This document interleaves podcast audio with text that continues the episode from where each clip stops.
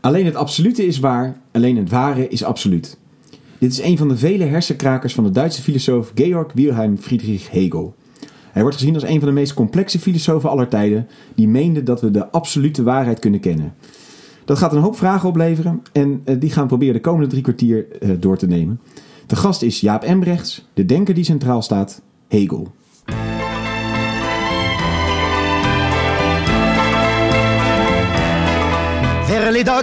Où le poids et l'ennui me courbent le dos. Dag, mooi dat je luistert naar deze podcast Filosofie van het Centre Erasme, School voor Filosofie in Zuid-Frankrijk, Vlaanderen en Nederland. Mijn naam is Allard Amelink. Het concept van de podcast is simpel. Er is een hoofdgast, er is een presentator en er is een sidekick. En in ongeveer 45 minuten duiken we in het denken van één filosoof. Uh, de filosoof die vandaag centraal staat is uh, Hegel. Hij leeft van 1770 tot 1831, een Duits filosoof. En uh, de focus zal een beetje zijn op het werk De Fenomenologie van de Geest, zijn eerste grote werk. Hegel was hoogleraar in Berlijn en in zijn tijd een, een filosofische superster. En naast mij zit Jozef Vaanders. we zijn ook te gast bij jou, Jozef. Mooi dat we er, er mogen zijn. Vanzelfsprekend. En um, uh, jij zit in een, een, club die probeert het werk van Hegel een beetje te doorgronden. Jullie lezen een van zijn, die fenomenologie van de geest. Dat klopt. En, en hoe ver zijn jullie al? Nou ja, niet zo ver. Waarmee meteen wel iets gezegd is over de complexiteit van deze denker. Want we zijn inmiddels toch wel drie kwart jaar onderweg met die leesgroep. En een bladzijde of twintig verder. Dus er gaan echt avonden voorbij waarop je slechts een aantal zinnen leest. En die zijn zo complex en, en, en, en dicht, eh, inhouddicht als het ware, dat je daar eindeloos omheen blijft cirkelen. En het nog niet zo eenvoudig is om daar heel snel tot begrip van wat er dan staat te komen. En die, die leesclub staat onder leiding van, van Jaap Embrechts. Klopt. Mooi dat je hier bent. Uh, ja. ja, leuk om te zijn. Wat we dus een beetje gaan proberen in deze podcast is hiervoor iets van grip te krijgen op dat denken van Hegel. Dat zal zich in eerste instantie misschien vooral richten op de vraag van waar houdt hij zich mee bezig? Wat is zijn zoektocht? En uh, uh, we zullen niet alles kunnen duiden inderdaad in deze podcast. als het al drie kwart jaar kost om één filosoof 20 pagina's zo heen te komen, dan, dan gaat het helemaal niet lukken in 45 minuten. Maar mooi dat je er bent. Ja, jij, bent, jij promoveert aan de Vrije Universiteit in Amsterdam. Ja, klopt. klopt. En hoe ben je zo terechtgekomen bij, bij onze vriend? Nou, ik ben bij Hegel terechtgekomen eigenlijk via Kant. Omdat ja, je moet Hegel eigenlijk zien als een opvolger van Kant. Allerlei problemen die, die Kant filosofisch laat liggen, daarvan meent Hegel een oplossing te hebben. Dus ik ben eigenlijk van, vanuit Kant bij Hegel terechtgekomen. En daar nu op aan het, aan het blokken. En, en als we dan zeggen het project van, van Hegel, wat, wat probeert hij in zijn filosofie?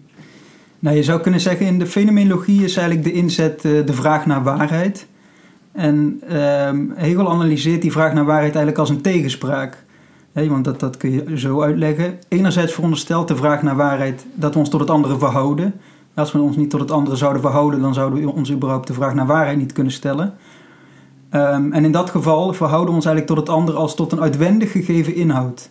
En dus eigenlijk op een eindige wijze. We worden geconfronteerd met een vreemde anderzijds, zou je kunnen zeggen. Terwijl anderzijds, uh, zal Hegel zeggen, wanneer we het andere in zijn eigen aard willen kennen, dat wil zeggen het andere als andere, dan mogen we eigenlijk niet van het andere onderscheiden zijn, maar moeten we steeds al bij het andere zijn dat we willen kennen. Je zou kunnen zeggen, in dat geval moeten we ons op een oneindige wijze tot het andere verhouden. Dus Hegel zegt eigenlijk, hè, samenvattend, dat die, de, de vraag naar waarheid ons met een tegenspraak confronteert. Hè, wanneer we het andere in zijn eigen aard willen kennen, moet het andere zowel anders zijn als niet anders zijn. Hè, of wat hetzelfde betekent eigenlijk, moeten we, moeten we van het andere onderscheiden zijn en mogen we niet van het andere onderscheiden zijn. Ja, want als we wel van het andere gescheiden zijn, dan kunnen we het niet in zijn wezen kennen. En als we niet op afstand staan, dan als we van het, nou ja, als in zo, ja, dus in zoverre we onderscheiden zijn van het andere, lijken we het andere slechts te kunnen kennen vanuit een voorwaardelijk gezichtspunt. Terwijl als we de vraag naar waarheid stellen, willen we het andere kennen zoals het op zichzelf is. Hè? Ja. Dus niet vanuit, niet vanuit een voorwaardelijk gezichtspunt, maar vanuit, een, vanuit het standpunt dat we steeds al bij dat andere zijn. En, en Hegel lost dit probleem op, uh, Kant lost dit op een bepaalde manier op.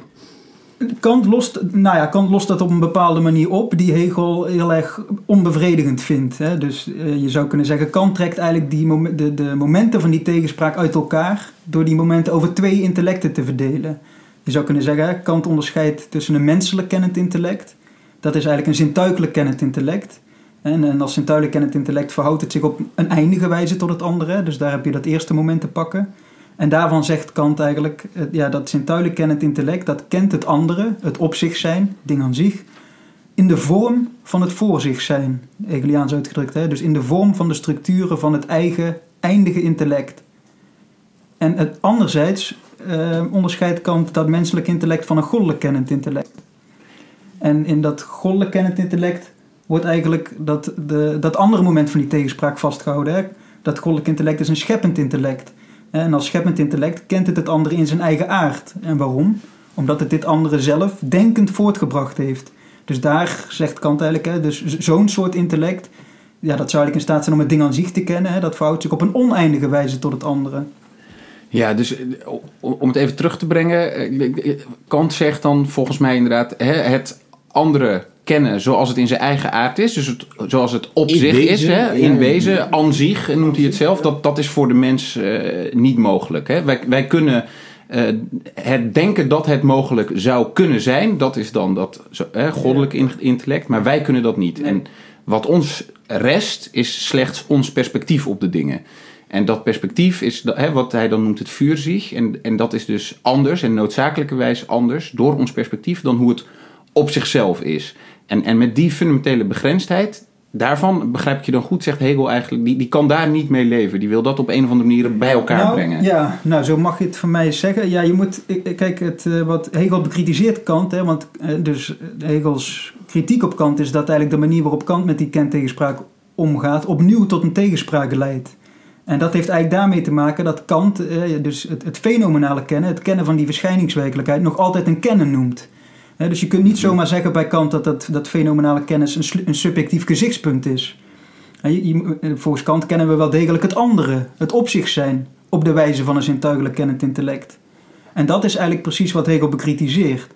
Want je zou kunnen zeggen, hoe kan nou een kennen wat eigenlijk van het andere in zijn eigen aard onderscheiden is, in die zin buiten het absolute staat, alsnog waar genoemd worden? En, en daarvan zegt Hegel eigenlijk, ja, de, de waarheid kan niet zowel absoluut, aan zich, als slechts relatief, voor ons geldig zijn. Eh, De, de tegenspraak is dan eigenlijk, hè, de, de waarheid kan niet in tweevoud bestaan. Als het al zin heeft om over waarheid te spreken, dan kan ze alleen maar ongedeeld één zijn. En dat is ook wat hij bedoelt met het absolute. Dus een waarheid die absoluut is, betekent dat ze ongedeeld is, dat ze één is. Hè, en- dat dat niet op een of andere manier op te delen is in hè, verschillende eh, gezichtspunten of wat nee. dan ook. Het moet een eenheid zijn. Dat, Het, moet een eenheid zijn. Hè? Het absolute is dus het steeds al, datgene wat we willen kennen, moeten we steeds al bij zijn. Als we niet steeds al bij het andere zijn dat we willen, dat we willen kennen, dan kunnen we het ware kennen wel op ons buik schrijven. ja. en, de, en de vraag ernaar niet eens stellen, zegt hij In zekere zin niet, nee. Het is eigenlijk een, een, een- in eerste instantie gewoon nog een puur formele methodologische eis, waaronder het überhaupt pas zin heeft om die vraag te, te, te stellen. Dus als ik hem even zo probeer samen te vatten, dan eh, gaat het over het, het kennen van de waarheid. En is het moeilijke dat we daar enerzijds dus op afstand van moeten staan en anderzijds bij moeten zijn om het te kunnen kennen. Dat is natuurlijk een rare tegenspraak. Je kunt niet ergens en bij zijn en niet bij Ja, zijn. klopt. Dat kan dat op een bepaalde manier uit elkaar trekken door te zeggen, ja, er is een soort eh, ten diepste kennen bij eh, de, het wezen van de dingen. Alleen dat kunnen wij niet, zegt Kant, want dat is te ver weg eigenlijk voor ons. En je hebt een kennen op afstand ervan hoe het zich tot jou uit. En Hegel zegt, ja, dat is een rare tegen uiteentrekken van de waarheid. Want de waarheid is absoluut, is één. Dus je kunt niet zeggen dat het allebei een stukje van de waarheid is. Nee, precies. Ja, zo mag je het voor mij zeker samenvatten. Ja, je kunt, ja. En wat doet Hegel dan? Nou, Hegel probeert eigenlijk eh, dat, dat dualisme wat in Kant nog zit te overwinnen. En dan is het eigenlijk belangrijk om vast te houden dat Hegel die kentegenspraak op gaat vatten als de vraag naar de eenheid van geest en lichaam. Want die enerzijds, je kunt zeggen, we verhouden ons alleen maar tot het andere als tot een uitwendig gegeven inhoud, omdat we ook lichamelijk zijn. Eh, dus dat is vooral het daarin drukt zich vooral het onderscheiden zijn van het andere uit. Ja, omdat we gewoon een ander fysiek gestel hebben ten opzichte van andere, andere fysieke dingen. Ja, hè, zou je kunnen, nou ja, of, eh, ook eh, we hebben het andere waartoe we onszelf, waartoe we ons verhouden, niet zelf voortgebracht in een verhouding van schepping. Bijvoorbeeld, hè. we zijn lichamelijk. Dat betekent geconfronteerd worden met een vreemde anderzijds. En daardoor lijkt het in, ten principale zo te zijn dat we het andere niet kunnen kennen zoals het op zich is. Maar eigenlijk, hè, zoals Kant ook zegt, slechts zoals het voor ons is. Ja, omdat we lichamelijk zijn en dus gescheiden zijn ervan. Omdat we onderscheiden zijn, ja, inderdaad. Maar anderzijds zegt Hegel, ja goed, dat is waar. Maar we kunnen de vraag naar waarheid eigenlijk alleen maar stellen wanneer we steeds al een vrije verhouding innemen tot het andere dat we bevragen. Wanneer we het andere als andere bevragen, gaan we niet op in onze verhouding tot het andere, maar we houden ons daar als zodanig toe. Eigenlijk op een oneindige wijze. En dat is meer de, de, de, de geest. eh, Dat is het geestelijke aspect. zeg maar. hè? Ja, Dus Hegel zal zeggen, vrijheid betekent jezelf de vraag naar waarheid stellen. Een dier kan zichzelf niet de vraag naar waarheid stellen. En na dat moment, eh, gaat, zegt Hegel, hè, is het in ieder geval niet ten principale ondenkbaar dat het menselijke intellect open staat naar het andere in zijn eigen aard. Dus dan zie je eigenlijk dat Hegel, het moment van het lichamelijk zijn, dat zou je kunnen verbinden met wat Kant Anschauung noemt. En het moment van het geestelijk zijn, dat verbindt Hegel eigenlijk met de vrijheid die steeds al veronderstelling is van die vraag naar waarheid. En, en moet zeg maar dat die geestelijke component dan ook eigenlijk de beperking die het lichamelijke oplegt overwinnen? Of dat is dan in ieder geval wat. nou, wat... over, je, je zou kunnen zeggen, nou dus wat is dialectiek? Hè? Dialectiek is eigenlijk die methode waarin systematisch nagegaan wordt of, en zo ja, onder welke voorwaarden, die aanname dat het menselijke intellect open staat naar het andere in zijn eigen aard, dus tot waarkennen in staat is, compatibel is met de wijze zoals het andere voor de mens als lichamelijk wezen gegeven is. Maar je zegt dus eigenlijk dat het, het feit dat we lichamelijk zijn scheidt ons zeg maar, van de andere dingen. Dat andere deel vond ik nog lastig. Wat, wat maakt nou dat, waar, waar komt die oneindigheid er nou in in ons denken? Omdat we ons denkend eh, Nou, je, nou, denkend, ja, je zou kunnen zeggen, dus in zoverre de veronderstelling van de vraag naar waarheid in principe de vrijheid is. Hè, en de vrijheid in zekere zin gevat kan worden als een openheid naar het andere. We kunnen het, is, is Hegels vraag, nou ja, kunnen we dan niet vanuit die openheid toch een positie denken waarin we wel degelijk in die zin bij het andere zijn. In de zin van openstaan naar het andere in zijn eigen aard. En is het dan een soort zelfbewustzijn? Of wat is dat dan, zeg maar? Nou ja, dat wordt in de, in de loop van de fenomenologie steeds verder ontwikkeld. Dus dat is, dat is moeilijk om daar nou... Die, die invulling verandert steeds. Maar in zekere zin kun je dus eigenlijk... Ja, wat is dan dialectiek? Dat is eigenlijk eh, die verhouding van de mens als eindig, lichamelijk wezen, oneindig geestelijk wezen, systematisch te doordenken.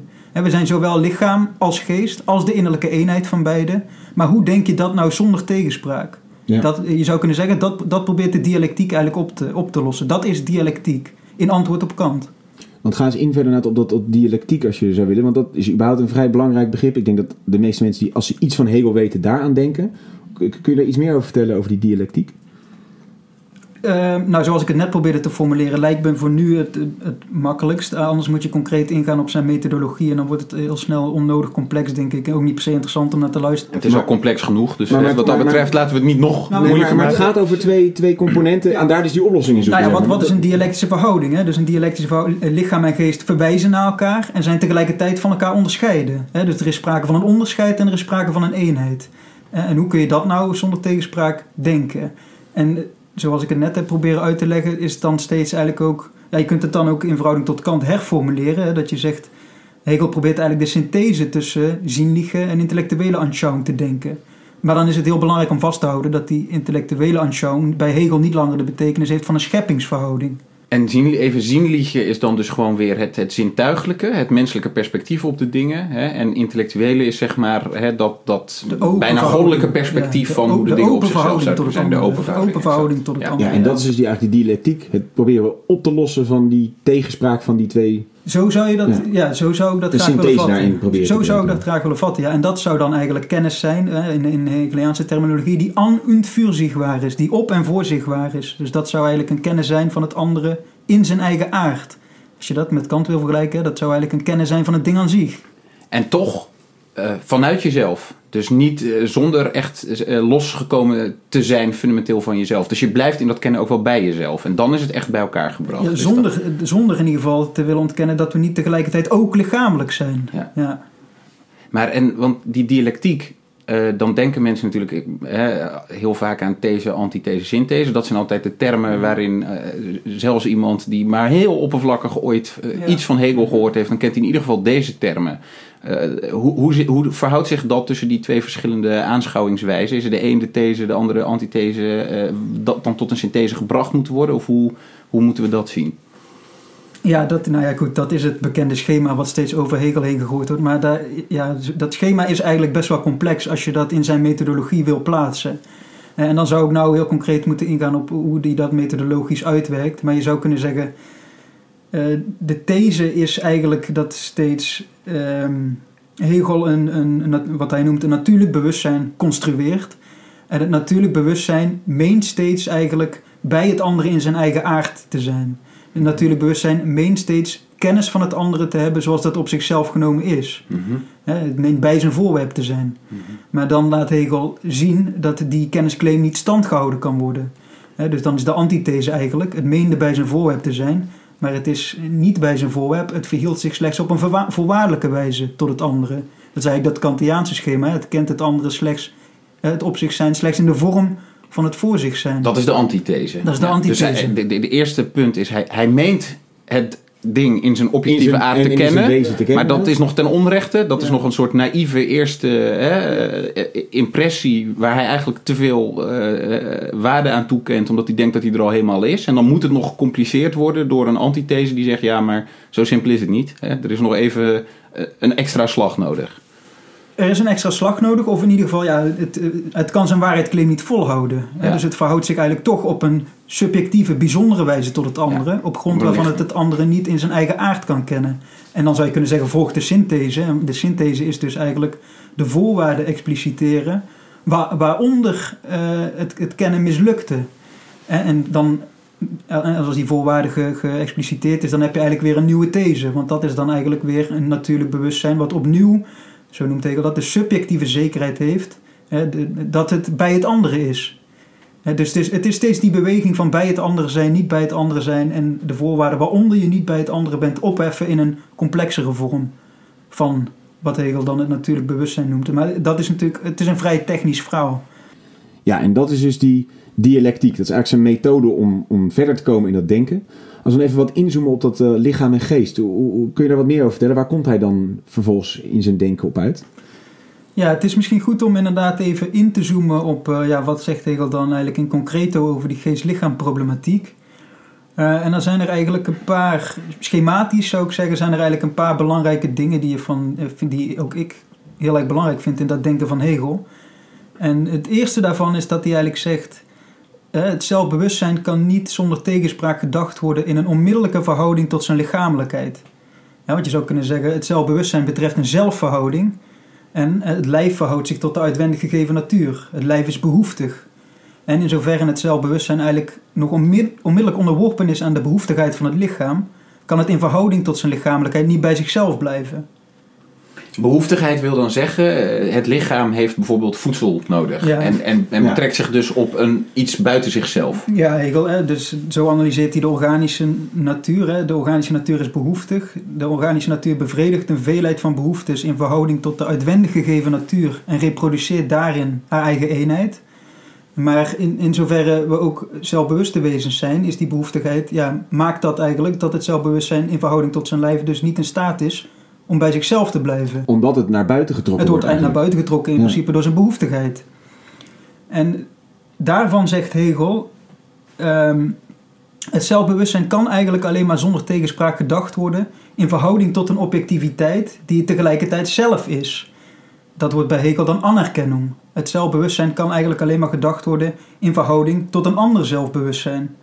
Want in verhouding tot een ander zelfbewustzijn wordt het niet langer geconfronteerd met een vreemde zelfstandigheid, maar, en dit is bij Hegel een hele belangrijke formulering, verhoudt het zich in het andere als andere tot zichzelf. Als ik dat um, heel even voor de, het andere zelfbewustzijn, wil dat gewoon zeggen een ander mens? Of mag je dat zo niet stellen? Uiteindelijk mag je dat zo voor mij stellen. De, ehm, maar het principiële punt is de, ja, alleen in verhouding tot een ander zelfbewustzijn kan het zelfbewustzijn, eh, of alleen in verhouding tot een ander, ja, tot een ander zelfbewustzijn kan het zelfbewustzijn in verhouding tot het andere bij zichzelf blijven. Hè? Want het andere is niet principieel het andere, maar het andere is het, eh, het eigen zelf in de vorm van de andersheid. Dat is bij Hegel belangrijk. Hè? Dus alleen in die verhouding tussen twee zelfbewustzijnen kun je volhouden dat het zelfbewustzijn een- zelfverhouding is, bij zichzelf blijft. En dan gebruikt hij die, die, die term waarvan je zei, dat is echt een, een essentieel element. Hoe was het nou? In In het andere als anderen bij jezelf zijn.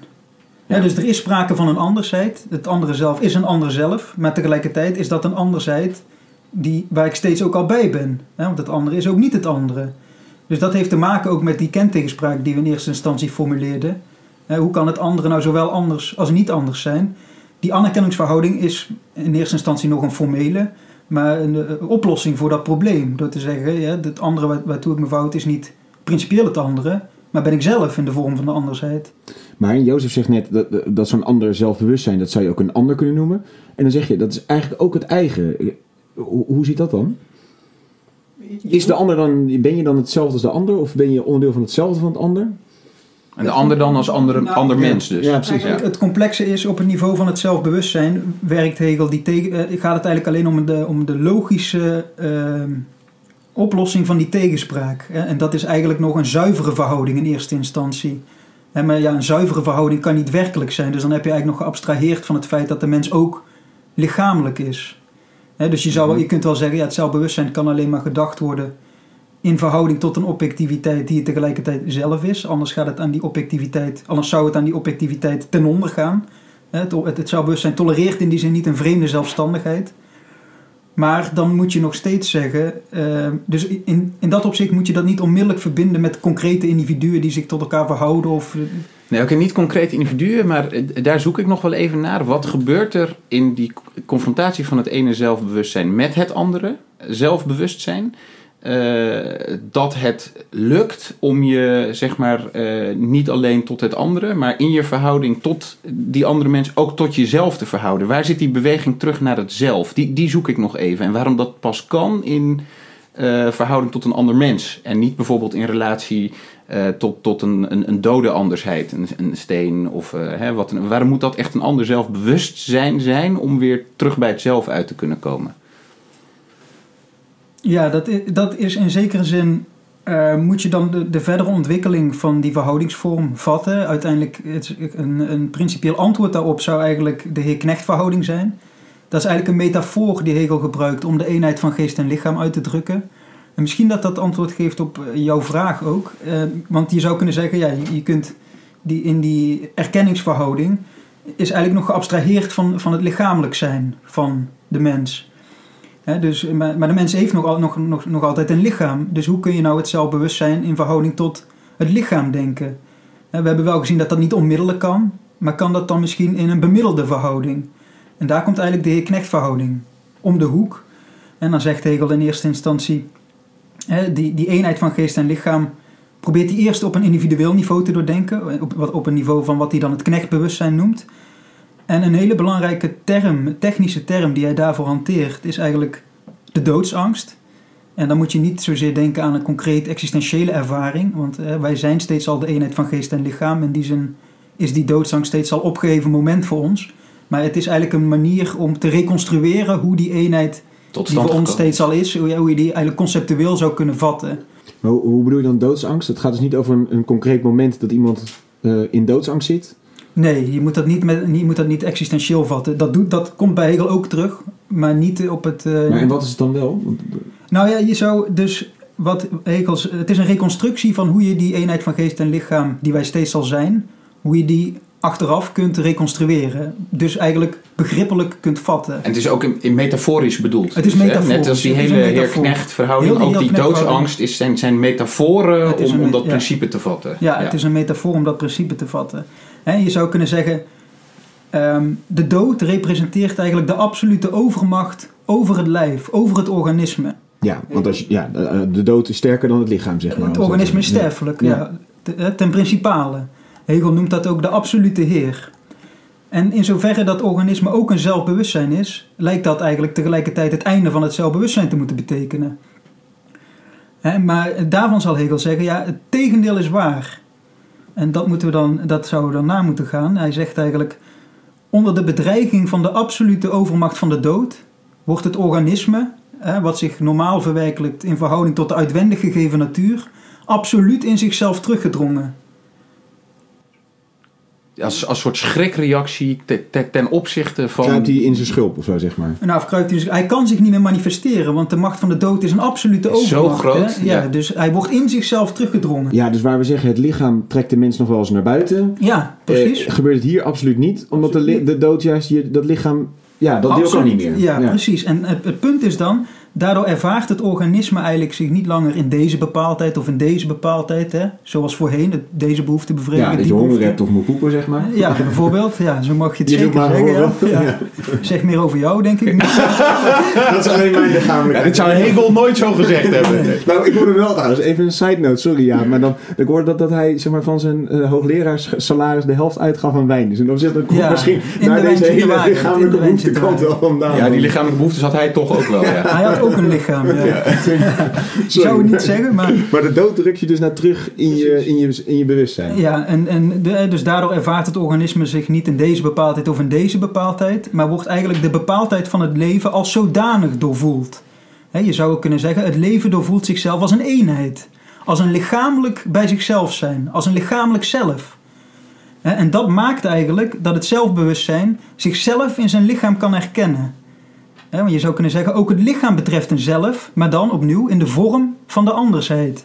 Dus het lichaam is zowel een zelf als een ander.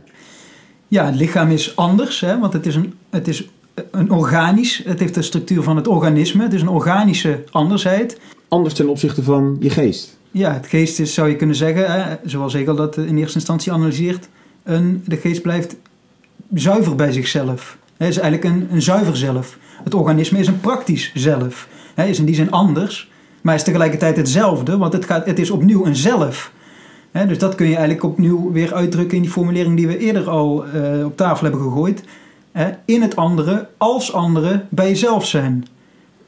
Nogmaals? Dus In het andere, als andere, bij jezelf zijn. Het lichaam is het andere, hè, het, het organisme. Maar in zoverre het organisme de structuur heeft van een zelf, hè, is het tegelijkertijd niet anders, zou je kunnen zeggen. En eigenlijk is dat dus, als ik het... Moet zeggen dat ik het vrij complex vind, maar ik denk dat is wel ergens dus de hele oplossing eigenlijk voor het hele kernprobleem waar we mee begonnen. Dat je bij het ander moet zijn en op afstand moet staan van het ander. En ergens komt hier dus in die, die, die dialectiek lost dat hier dus op in lichaam en geest. Ja, ergens wordt daar iets heel fundamenteels over uitgezegd in deze verhouding. Hè. Dus je moet zeggen, geest en lichaam eh, verwijzen naar, naar, naar elkaar. Hè. Ook, het organische, ook de organische natuur is een zelf. Maar zijn tegelijkertijd onderscheiden van elkaar. Hè. Want het gaat om een organisch zelf en een zuiver zelf, zou je kunnen zeggen. Maar daar moeten we eigenlijk nog iets meer over zeggen. Hè. Dus, hoe, dus we hebben nou iets gezegd over wat dan eigenlijk hetzelfde is aan die organische natuur. Maar de, de anderzijde daar moeten we misschien toch nog iets over zeggen. Hè? Want je zou kunnen zeggen, het lichamelijke zelf is eigenlijk alleen maar voor een zelfbewustzijn die het eindige zelf als zodanig weet. De, de, de organische natuur weet niet zichzelf als zelf. Mhm. Alleen de zelfbewuste natuur weet de, de, het zelf van de organische natuur als zodanig.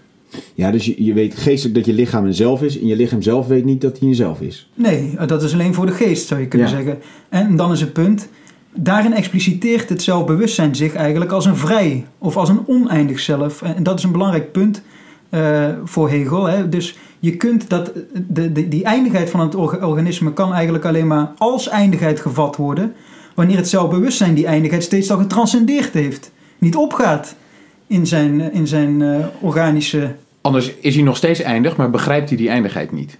Nee, dus ja, wat is dan die oneindigheid? Dat is eigenlijk bij Hegel de als zodanig begrepen eindigheid. De als zodanig tot begrip gebrachte eindigheid. En daarin eh, expliciteert het zelfbewustzijn zich als het vrije zelf, als het oneindige zelf, zou je Dus omdat de geest inziet zeg maar, dat het lichaam eindig is, maakt het zich, eh, eh, eh, eh, onthult het zich als iets oneindigs.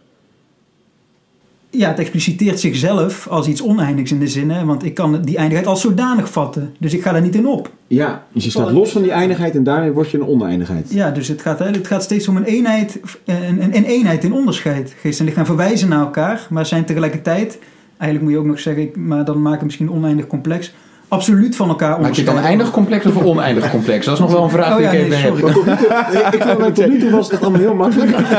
dus, dus maak het vooral nog wat complexer. hè, Ja.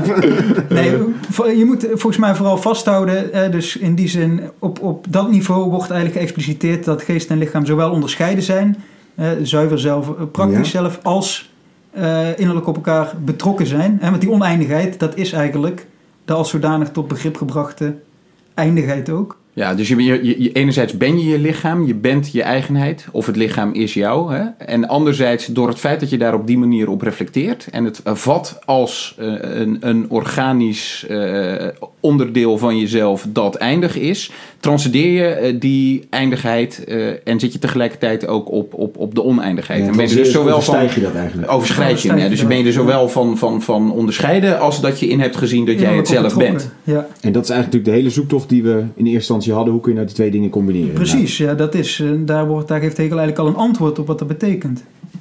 Wat ik alleen nu niet snap, je zegt de geest ziet het lichaam als eindig en ontdekt daarmee eigenlijk zijn eigen oneindigheid, wordt daar op een bepaalde manier mee vrij.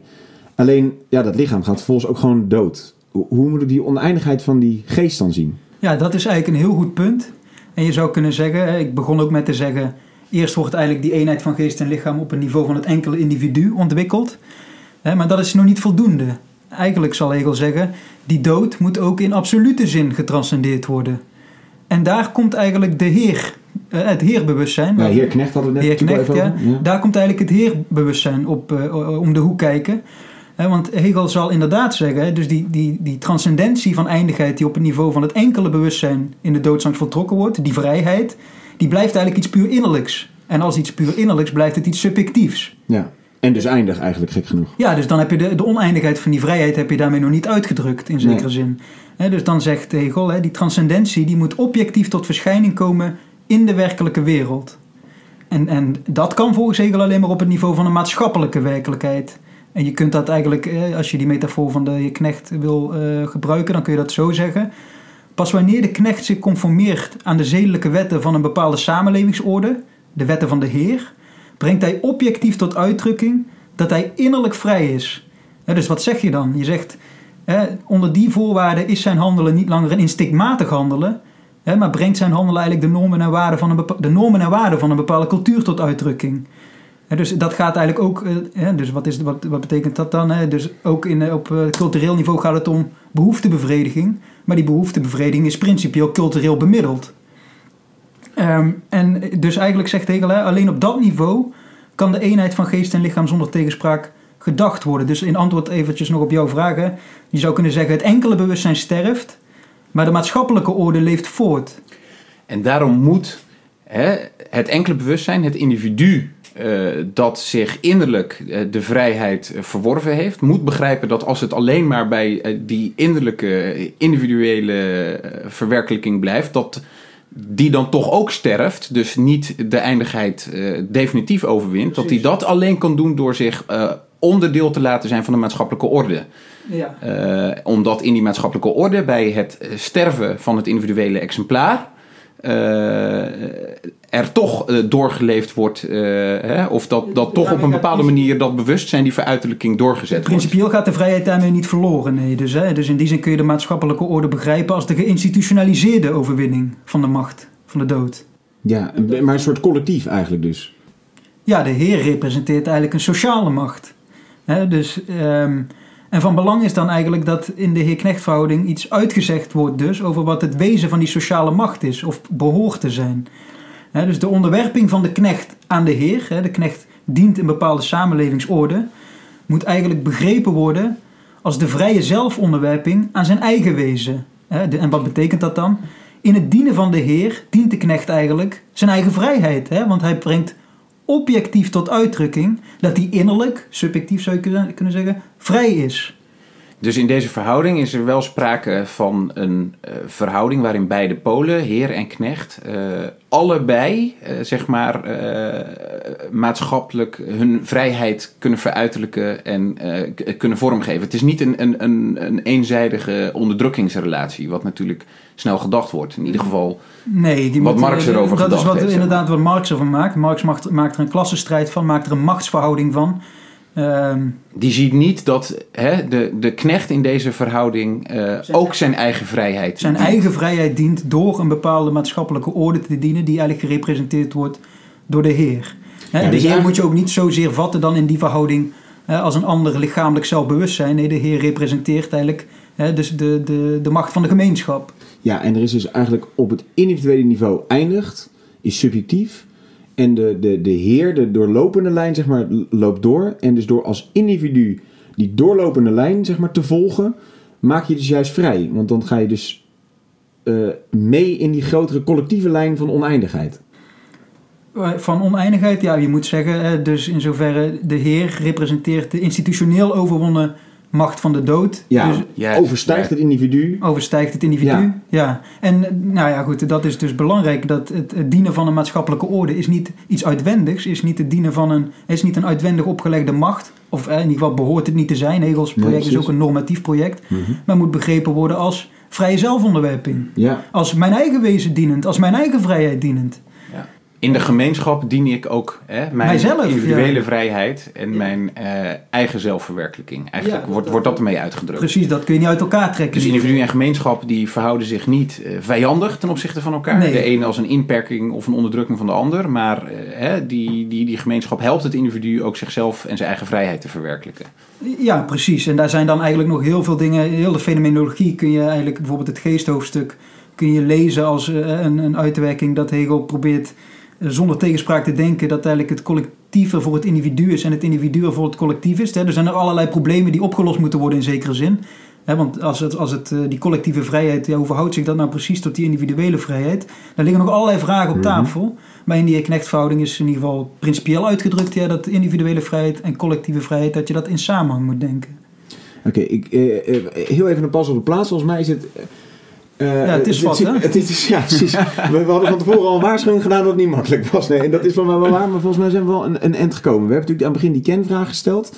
Hè, je moet bij het ander zijn en je moet op afstand staan van, staan van het ander. Toen hebben we even Kant aangehaald hoe die, hij dat oplost. En dat er eigenlijk twee vormen van kennen een beetje van te maken. Waarvan Hegel zegt, dat kan niet. Daar moet een brug tussen geslagen worden. En vervolgens zijn we bij lichaam en, ge- eh, en, en geest ingegaan op hoe dat dus toch in een soort, op een paradoxale manier bij elkaar gedacht moet kunnen worden. En ook eigenlijk een tweede paradox die we hebben gekregen, de verhouding individu tot collectief en dat je weer vrij bent als individu ten opzichte van collectief. Dat, eh, ik denk dat het, is ongetwijfeld een tekortkoming van Hegel dat dit is, maar dit, volgens mij hebben we hier wel een beetje een soort van een lijn te pakken van wat hij doet. Wat mij eh, eh, opkomt is een beetje dat je denkt, joh, wat, wat moet ik hiermee of zo zeg maar. En, en ik denk dat het vandaag de dag is volgens mij, ik, ik heb niet het idee dat een hoop mensen zich als Hegeliaan betitelen vandaag de dag. Klopt dat? Eh, nee, ja, dat, dat, dat klopt Nou, zeker, alleen om het ja. feit dat het al eh, zo onbegrijpelijk is, Ja, ja, zou ik ook heel voorzichtig zijn met die. Nee, het kost, het kost heel veel tijd en het kost heel veel moeite. Ja, zo, het lijkt me sowieso niet, je moet niet een Iaan willen zijn van niemand niet. Maar ik, ik, ik zou inderdaad zeggen... Hè, Nou, de- ik dacht na deze podcast wel eh, of ik dan misschien een Japiaan eh Ja, kan, ja. Nee, in dat geval mag het. ja. Maar, wat, maar wat kunnen we er nu mee, eh, Jaap, met Hegel? Nou ja, we leven nu natuurlijk in een, in een postmodern eh, klimaat. Heel postmodern, eh, wat, wat bedoel je precies als je die, die term Ja, ja, gebruikt? dat is wel een belangrijke vraag ook. Ja, je kunt, ja, de, de postmodernisme is natuurlijk veel te complex om in algemene schema's te vatten. Maar ik zou zeggen, een grondkarakterisering of een grondbepaling van het po- postmodernisme kun je toch wel geven. Hè? Het postmodernisme probeert eigenlijk een radicale eindigheidsfilosofie te ontwerpen. Waarin over de verhouding eindig-oneindig, dat is natuurlijk wezenlijk Hegel, eh, niks meer te zeggen valt. Hè, ja, niks, Omdat er alleen maar eindigheid is eigenlijk. ja, je kunt niet de, de verhouding eindig-oneindig thematiseren staan, eh, staande binnen je eindigheid. Dat is eigenlijk een van de principiële punten van het postmodernisme. En ik zou zeggen, ja, eh, de, de thema's waar het Hegel om gaat, ehm, is, namelijk zelf zijn, waarheid, God, dat zijn eigenlijk de, de drie grootste thema's die die hele Hegeliaanse filosofie doortrekken. Ehm, komen daarmee, ja, daar, daar probeert het postmodernisme in zekere zin een streep door te zetten. Ja, en je zegt inderdaad, omdat je in het, on, in het eindigheid staat, kun je niet meer over de oneindigheid praten. Dus het is een beetje van, je hele speelveld is gewoon de eindigheid, dus verdwijnt het thema oneindigheid gewoon compleet uit beeld. Zo zou je dat eh, op een Ja, bepaalde ja. manier wel kunnen zeggen. Ja. Dus als je, dat, als je dat wil onderverdelen in die thema's, hè, dus zelf zijn, ja, wat in postmodernisme is, hè, de mens is aan de wereld vervallen. Dus in zekere zin wordt daarmee afbreuk gedaan in zijn autonomie. De mens is niet langer in staat om zich in vrijheid tot zijn eigen gesitueerdheid te verhouden. Nee. En, en dat betekent bijvoorbeeld ook dat het spreken niet langer, het taal, het spreken niet langer als zelfuitdrukking gevat kan worden. En, en ook, maar ook zaken als intersubjectiviteit. Wat, wat doe je met intersubjectiviteit? Vriendschap, liefde. Het, het, het, het eh, interessante eh, en wat mij aanspreekt aan Hegel is dat hij juist op een absolute manier intersubjectiviteit probeert te gronden. Maar wat is intersubjectiviteit? De, nou ja, de, eh, ook die formulering die we in zekere zin ook altijd, eh, al gehad hebben, in de ander als ander bij jezelf zijn. Hè? Dus de, de, dat is een manier waarop een grondmodel waarin Hegel communicatie wil denken. Een grondmodel waarin Hegel, en waar, en waar je ook vriendschap en liefde kunt denken. Ja, en, en, en postmodernisme, dat zeg je dan eigenlijk. eh, doordat eh, in dat denken eh, wordt de mens niet meer in staat geacht om eh, eh, in, in de ander als ander bij zichzelf te Nee, de zijn. mens is Daardoor- vervallen aan de wereld. Dus de, Ja, en, en, en, en, en hij, hij, hij ontkomt niet meer aan, aan die vervallen staat, aan, aan die, hè, die, die, die volstrekt subjectieve pol, waardoor er niet een, een daadwerkelijk contact meer met die ander mogelijk is. Is dat dan eigenlijk wat je zegt? Ja, onder andere als je niet in staat bent om je tot je eigen gesitueerdheid te verhouden, dan kun je ook niet open verhouden tot de andere. Dat is dan principieel een eindige verhouding. Principieel. Dus eh, wat, Ja, wat, je kan hem niet meer transcenderen, niet meer overschrijden, niet meer... Nee, nou, daar, daar wordt natuurlijk allemaal wel weer een mouw aan gemeten. Maar in ieder geval niet eh, zoals, eh, zoals Hegel dat doet. En wat mijn inziens eigenlijk ook de enige wijze is eh, om, om de- zaken zoals vriendschap en liefde te kunnen denken. Dus eigenlijk op een heel concreet existentieel niveau zou ik zeggen, ja, daar heb je toch Hegel voor nodig eh, om die zaken te kunnen denken. Ja, je zegt eigenlijk het postmodernisme heeft zaken als vriendschap en liefde een beetje bij het vel gezet, omdat het alleen maar vanuit die eindigheid denkt. Die zegt, ja, Hegel is daar eigenlijk een soort eh, eh, medicijn voor of zo, zeg maar. Ja, in zoverre als die formulering van net, in zoverre Hegel op een absolute manier intersubjectiviteit probeert te gronden, dat zo zou je zijn project ook kunnen formuleren, ja, dan, is het, dan heeft dat wezenlijk met die thema's te maken. Ja. Ik zeg al, het postmodernisme is natuurlijk hartstikke breed en alsof daar niet over vriendschap en liefde gesproken wordt, maar ik zou zeggen, ja, vanuit, vanuit die these dat de mens principieel vervallen is aan de wereld, raak je toch in moeilijkheden, lijkt me. En, en waarheid geldt hetzelfde voor. Dat is natuurlijk ook zo'n, alles is relatief, zeg maar, zo'n eh, zo'n uitspraak. Een postmoderne uitspraak. Ja, je zou kunnen. eh, Dus elke poging om te identi- identificeren is wezenlijk eindig. En de- dat, dat betekent dus eigenlijk dat elke identificatie noodzakelijk tot een niet ophefbare differentie leidt. Waar eigenlijk identiteit, eenheid en differentie, veelheid, als in een abstracte tegenstelling tegenover elkaar komen te staan. Hè, En de- in die zin is er niet langer een perspectief der perspectieven mogelijk. Nee. Terwijl, en het is juist, Hegel wil juist de, de werkelijkheid, in zijn waarheidsbegrip, de werkelijkheid denken als de eenheid van identiteit en differentie. Hè? En, en pas dan heeft het ook zin om over de werkelijkheid te spreken. Dus ik denk dat dat een belangrijk punt is. In die, eh, in die differentiefilosofie ja, heeft het dan nog zin om over de werkelijkheid te spreken. nee. Dat Ze wordt zullen dan ook zelf zeggen nee, inderdaad. Hè, maar ze geven dan dat, Ja, dat ideaal dat eigenlijk wordt, op. Dat wordt ook problematisch. Ja, Ja. ja. mijns inziens onterecht, omdat de, de, ehm, omdat eigenlijk identiteit en differentie in een abstracte tegenstelling eh, komen te staan. En het is juist, eh, vind ik, Hegels genialiteit dat hij laat zien hoe je de innerlijke eenheid van die momenten kunt vatten. Hè, maar, dat, ja, bovendien, maar dat levert wel, dat kost heel veel tijd en moeite. Om je, dan moet je door heel dat Hegeliaanse denken in ploeteren Ja. natuurlijk, om daar iets zinnigs over te kunnen zeggen. Hey, Maar en- toch, ja. ja, sorry, ja, toch nog heel even. maar Waarom, oké, stel we hebben niet meer het absolute waarheidsbegrip. We kunnen ons zelf niet meer als, eh, als, als eenheid de- denken. Eh, waarom is dat principieel zo, zo, zo erg dan, vanuit Hegel gedacht? Wat, wat eh, oké, we zijn vervallen aan de wereld. hè. Oké, die waarheid Alles is is, eindig. is, is er niet eh, voor ons op een of andere manier te begrijpen, of misschien überhaupt niet. Eh, Oké, eh, ik kan mijn subjectiviteit niet, niet, niet als eenheid denken. Even heel, heel plat gezegd, nou en? Hè? Wat, waarom is dat een probleem? Nee, je moet dan ook nog, ja, je kunt onderscheiden, filosofisch gezien, is dat, wordt dat adequaat uitgewerkt? Hè? Of zijn er steeds, is er steeds sprake van een, van een eh, nou, ik zou dan toch zeggen, misvatting? Mhm. Eh, dus dat is punt één. Maar ik zou concreet existentieel lijkt me toch, eh, moet dat, nou, althans spreekt mij heel erg aan, ja, wat, een, een vriendschap, liefde, dat zijn toch zaken waar we, waar we veel waarde aan hechten, ook vanuit onze concrete existentiële beleving. Hè? Dus de vraag is dan, ja, kunnen we dat dan filosofisch, wat kunnen we daar filosofisch over zeggen? Dus ik, ik wil eigenlijk vooral benadrukken, het- je kunt, ik kan nou niet heel het postmodernisme, hè, dan moet je, concreet, dan moet je Hegel eh, helemaal en, en de verhouding daartoe recipiëren. Maar ik probeer eigenlijk intuïtief te maken van wat, wat er op het spel staat. Ja. En eh, ja, als je niet meer over eh, de werkelijkheid kan spreken, niet meer over, eh, dan, dan, ja, dan moet je eigenlijk ook zeggen, wat betekent dan nog een, dat zegt natuurlijk het postmodernisme, je hebt een veelheid van perspectieven, je hebt een pluralisme. Maar ja, als je niet steeds al een eenheid aanneemt, bij Hegel is dat dan uiteindelijk de vrijheid, ja, wat is dan de waarde van zo'n pluralisme? Dat is eigenlijk een, een, een, oh ja, dat is eigenlijk weer een soort ongeordende veelheid. Het is een soort chaotische, die heeft die opvatting, die heeft zusopvatting, die heeft... Pas vanuit eigenlijk de vrijheidsidee kun je iedereen het recht geven op zijn eigen standpunt ook. Kun je iedereen het recht geven op zijn eigen Dat heeft alleen maar betekenis wanneer je steeds al aangenomen hebt dat die, die pluraliteit, dat slaat alleen maar ergens op wanneer steeds die pluraliteit aan zich al doorbroken is, zou je kunnen zeggen. Ja. Er staat veel op het spel, zeg Er staat veel op het spel. En belangrijk vind, nou ja, vind ik ook in ieder geval, ook God, hè, staande binnen onze eindigheid, wordt in die postmoderne filosofie God de radicaal ander. Hè, en in zekere zin datgene wat we vanuit onze eindigheid alleen maar kunnen vrezen.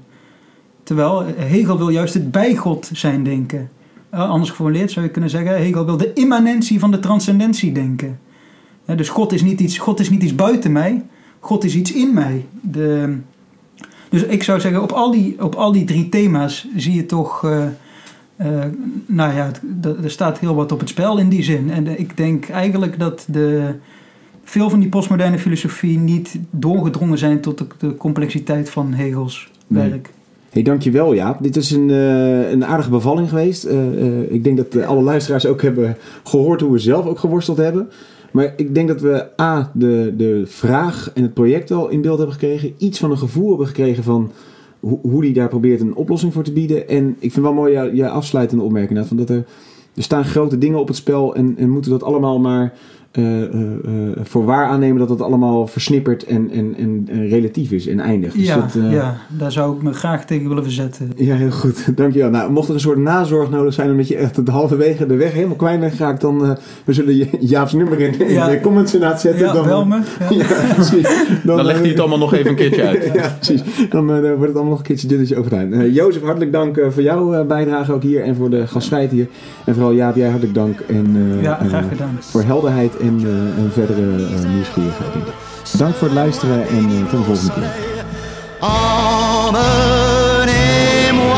au bout de la terre, emmenez-moi au pays des merveilles. Il me semble que